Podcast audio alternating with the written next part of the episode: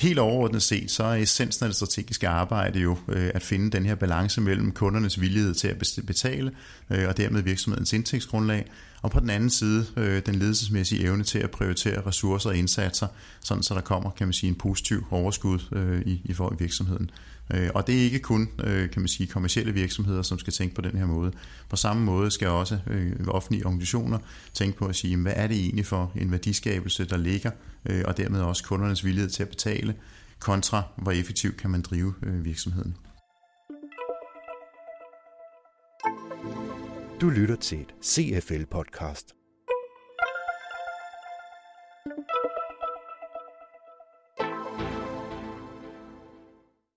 Velkommen til et nyt podcast fra CFL.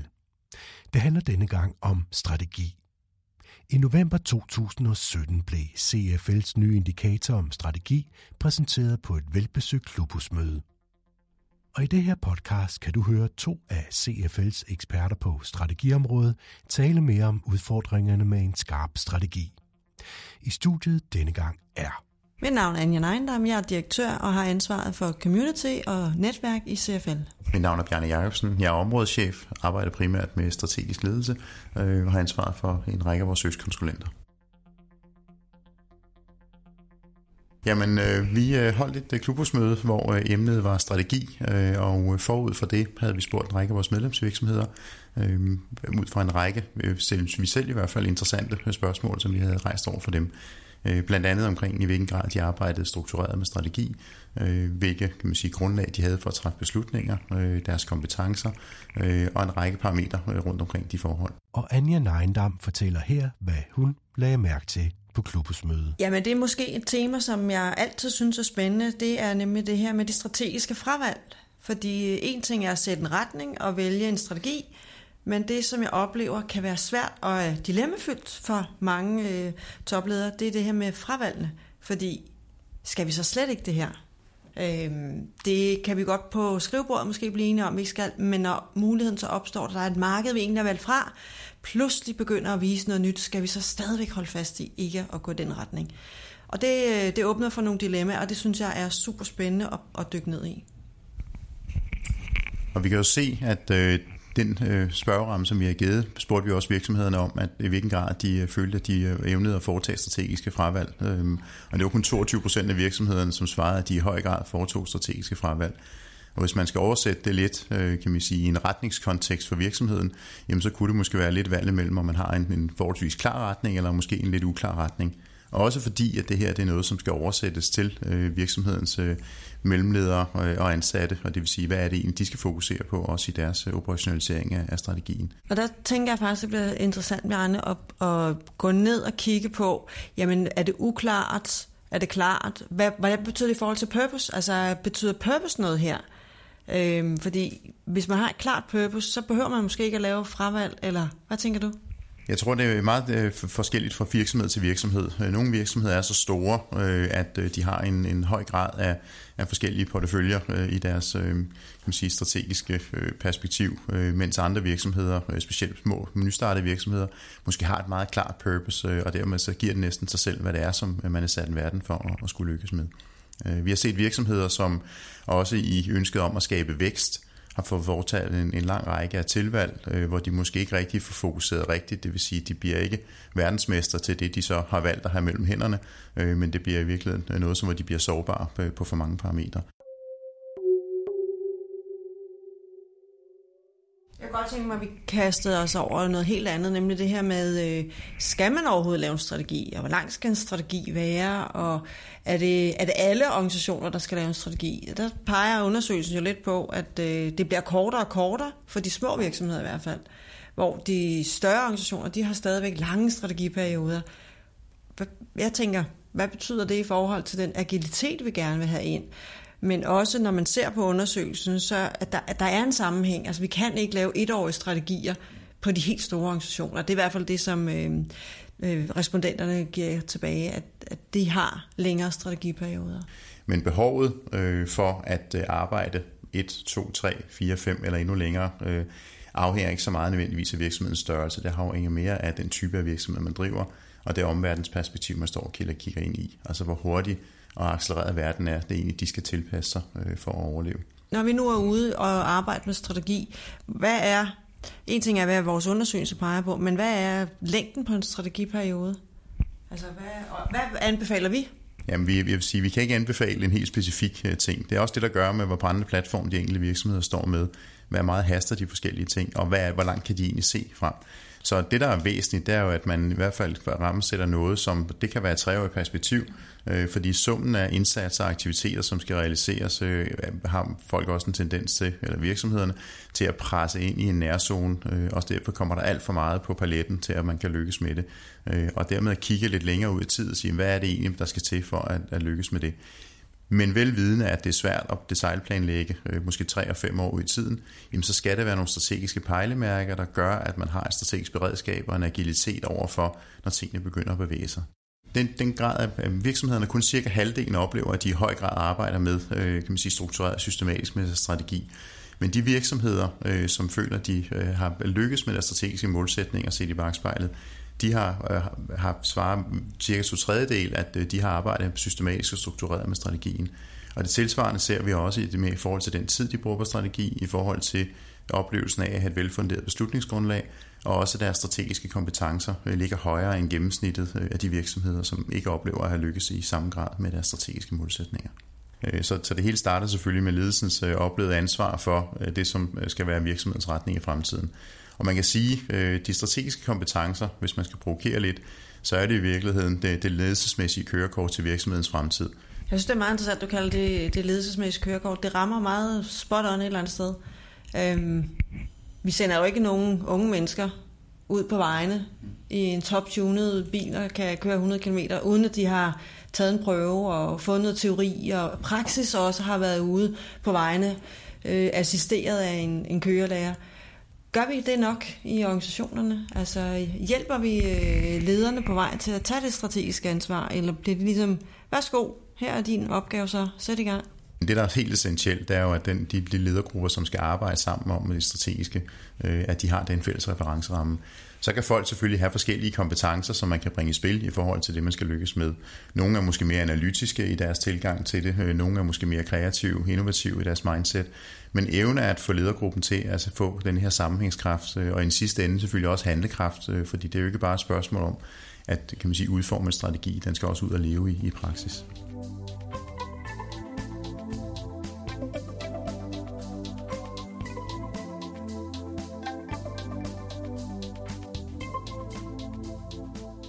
Det, det, der er vigtigt for ledelsen, øh, det er at tage ansvar for øh, virksomhedens retning og fremtid. Øh, og det er så det strategiske arbejde, som selvfølgelig definerer, øh, i hvilken grad man nævner at gøre det. Så der ligger fra start selvfølgelig en grad af erkendelse hos øh, ledelsen at sige, jamen, hvad er det, det kalder på af strategiske kompetencer, hvis vi skal, og det skal ikke arbejde systematisk og struktureret med de strategiske indsatser. Øhm, så starter det der. Hvor er, hvad er det for kompetencer, det her kalder på? hvordan kan vi systematisk og struktureret arbejde med det her? Øh, hvordan kan vi øh, sikre, øh, at øh, vi får skabt en helhedsbillede i forhold til de her dele? Vi har spurgt virksomhederne, hvad det er, som er vigtigt for dem at lykkes med øh, de, de tre væsentlige parametre her for de kommende tre år. Øh, og der ser vi, at sådan noget som vækst og efterspørgsel, sådan noget som innovation og sådan noget som tiltrækning af nye kompetencer er væsentlige parametre. Øh, og derfor er det også interessant øh, at spørge virksomhederne at sige, hvilken grad er de funktionsområder øh, og er øh, koblet til virksomhedens strategiske arbejde. Øh, og der ser vi egentlig en forholdsvis lav procentandel, som øh, evner at tænke helhedsorienteret, det vil sige i hvilken grad er kompetenceudvikling en naturlig del af det strategiske arbejde, i hvilken grad er sådan noget som salg og marketing inkorporeret i de dele, i hvilken grad er budgetlægning koblet til det her, øh, og i hvilken grad er sådan noget som øh, innovation øh, også koblet til, til de her strategiske ting. Og det er jo væsentlige parametre, at man ligesom siger, okay, et er at sætte en strategisk retning på nogle ting, men hvis man ikke får inkorporeret det i en helhedsopfattelse, jamen så er der også en stor risiko for, at man, man måske fejler og ikke lykkes med sine strategiske mål. Det, det er jo en velkendt problemstilling, at øh, man øh, kan være presset på kan man sige, de mere kortsigtede økonomiske ting, øh, og de mere fokus på, på i, i forhold til at prioritere de langsigtede øh, resultater øh, og med strategiske arbejde. Øh, prøv måske at sætte lidt ord på, hvad, hvad oplever du, både for dig, men også i de virksomheder, som du har ude ved, eller den balance mellem det korte og det langsigtede? Jamen, forskellen på det korte og langsigtede afhænger jo fuldstændig, som du sagde tidligere, om øh, den situation, virksomheden står i. Øh, hvad er det for et marked? Det kan betyde rigtig meget. Så kan man måske ikke lægge fem års strategier, fordi det er et marked, der bevæger sig så hurtigt. Hvilken livscyklus er virksomheden inde i? Er den nystartet? Har den tre år på banen, eller har den 50 år på banen? Har det, er det produkter, altså er det produktionsvirksomhed, eller har vi at gøre med en servicevirksomhed? Det betyder rigtig, rigtig meget for, hvilken strategi de så kigger, man, man kigger ind i. Det ledelsesmæssige dilemmaer, som, øh, som jeg har mødt i, øh, i kontakt med andre organisationer, har typisk været det her med at få lavet nogle fravalg. Det er vanvittigt svært. Øhm, og det kan for eksempel være en øh, produktionsvirksomhed, som øh, har en strategi, der hedder, at vi skal lave den her type produkter, vi har valgt det her marked, og så er der en sælger, der har mødt en kunde, som godt nok er fra et andet øh, segment, og efterspørger en lille smule anden produkt, end det vi laver nu. Men det er jo bare små tilretninger, og der er faktisk et stort vækstpotentiale her der er det rigtig svært for øh, en virksomhed at holde fast i fravalget og sige, det skulle ikke være den her produkttype, det skulle ikke være det her marked osv., fordi der er en mulighed.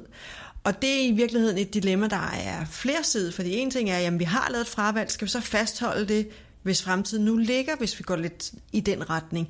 Så hvordan er man på den ene side fleksibel i forhold til omverdenen, og samtidig fastholder nogle fravalg, der er truffet på et tidspunkt, som måske ligger et år tilbage, eller hvis vi står og laver en strategi, hvordan kan vi være sikre på, at vi ikke kommer til at lave de forkerte fravalg? Altså de dilemmaer, der er indbygget det, det er faktisk det, jeg oplever, virksomheder er optaget af. Jeg synes også, det man oplever ude i virksomhederne, det er jo, at, øh, at ledelserne øh, er udfordret på ikke bare nødvendigvis de rammebetingelser, som de står med. Det kan være den form af det ejerskab, virksomheden har, eller øh, det ønske om at øh, skabe nogle kortsigtede økonomiske resultater.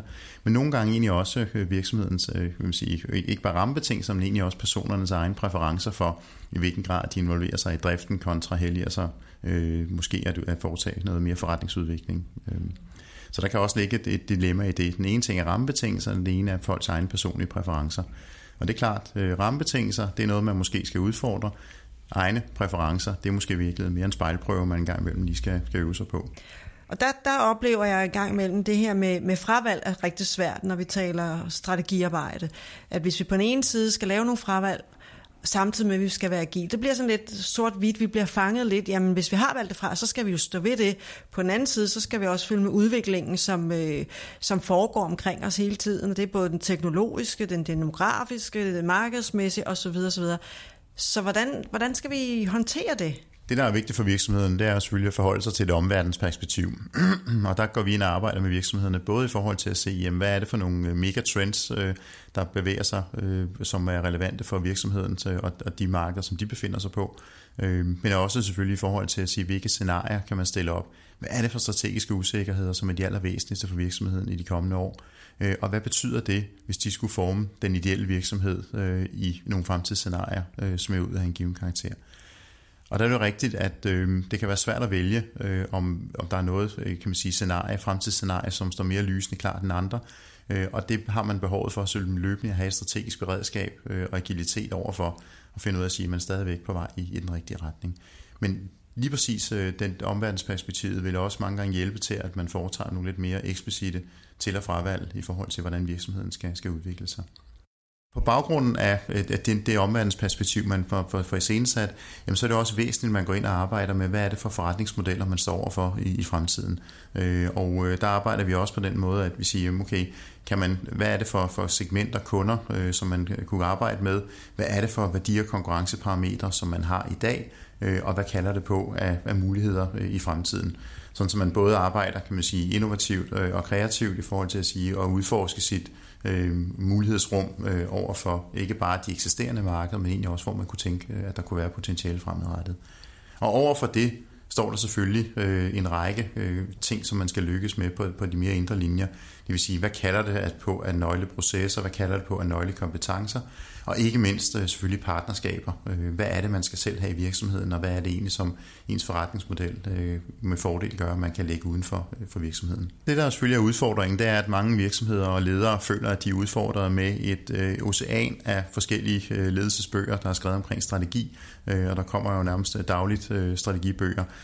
Og det, der ikke er kan man sige, afgørende, det er ikke så meget afgørende for præcis, hvad det er for nogle værktøjer, man måske vælger i forhold til det, men det er måden, man bruger de her ting på. Øh, det, det, hvordan man evner at få skabt øh, nogle værktøjer, som kan være katalysator for den dialog, den diskussion, øh, både i forhold til omverdenen og i forhold til de ting, som bevæger sig på de indre linjer i virksomheden, sådan så man får skabt et fornuftigt fundament for egentlig at kunne træffe de fremadrettede beslutninger.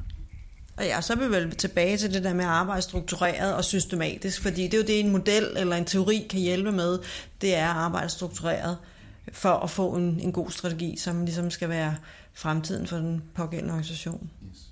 Så man kan sige, det er ikke kan man sige, værktøjet i sig selv, der, der ender med nødvendigvis at give svaret for virksomheden. Det kan være en hjælp til, at ledelsen bliver mere klar på, hvad det er, de skal, skal lykkes med. Men det er virksomhedens eller ledernes evne til egentlig at oversætte øh, de øh, ting, de finder, til egentlig at sige, hvordan skal vi så bruge det og turde tage nogle beslutninger øh, i fremtiden. Så hvis panelet skal opsummere. Så hvis vi skulle øh, give nogle øh, klare anbefalinger fra CFL's side, øh, både baseret på vores erfaringer, men også på vores indikator, jamen så er det simpelthen at være bevidst om behovet for styrkelse af de strategiske kompetencer. Det er en anbefaling fra CFL's side, at virksomheden prioriterer den nødvendige tid, der skal til, og man arbejder systematisk og struktureret med strategi. Det er den måde, vi får bedre resultater. Det, der samtidig er vigtigt for virksomheden, når de går ind og arbejder med strategi, det er, at de tænker i helheder, og de tænker eksekveringen ind fra start. Øh, sådan så man ikke bliver overrasket over, øh, når man så synes, man har lavet strategien, at den så løber ind i en mur øh, af udfordringer og barriere i forhold til at kunne realisere det her i praksis. Og det var altså Bjarne Jacobsen, områdeschef, og Anja Neindam, direktør hos CFL, der her drøftede nogle af de overvejelser, der ligger bag arbejdet med en god strategi. Til sidst skal vi have lidt reklame. I forlængelse af vores klubhusmøde har vi valgt at tilbyde to meget konkrete ting øh, til virksomhederne. Den ene er, øh, hvor vi kommer ud hos virksomhederne og laver et inspirationsindlæg øh, over for virksomhedens ledergruppe. Det vil sige, at vi skal ikke ud og løse nogle problemstillinger, men vi vil gerne ud og inspirere virksomheden til at sige, at der er de her forskellige vil man sige, typer af værktøjer, man, man typisk kan bringe i spil. Og hvad er det egentlig for nogle ting, som de virksomheder så føler, at de måske specielt er udfordret indenfor om det er en strategisk analyse, strategisk udvikling, er det eksekvering, eller hvad er det for noget, vi de arbejder med. Samtidig øh, giver vi også et tilbud til øh, ledere som individer, at de kan komme til CFL øh, og få en øh, dag sammen øh, med andre ledere, hvor at vi, de tilsvarende kan blive inspireret og udfordret i forhold til at sige, men hvad er det egentlig for værktøjer, øh, som man kan bringe i spil, øh, og hvor er det de primært er udfordret i deres virksomhed øh, i forhold til at kunne arbejde mere struktureret og systematisk med strategi. Husk, at du kan lytte til meget mere ledelse, hvis du går på opdagelse i CFL's podcast Kartotek, som er tilgængelig på iTunes og på www.cfl.dk.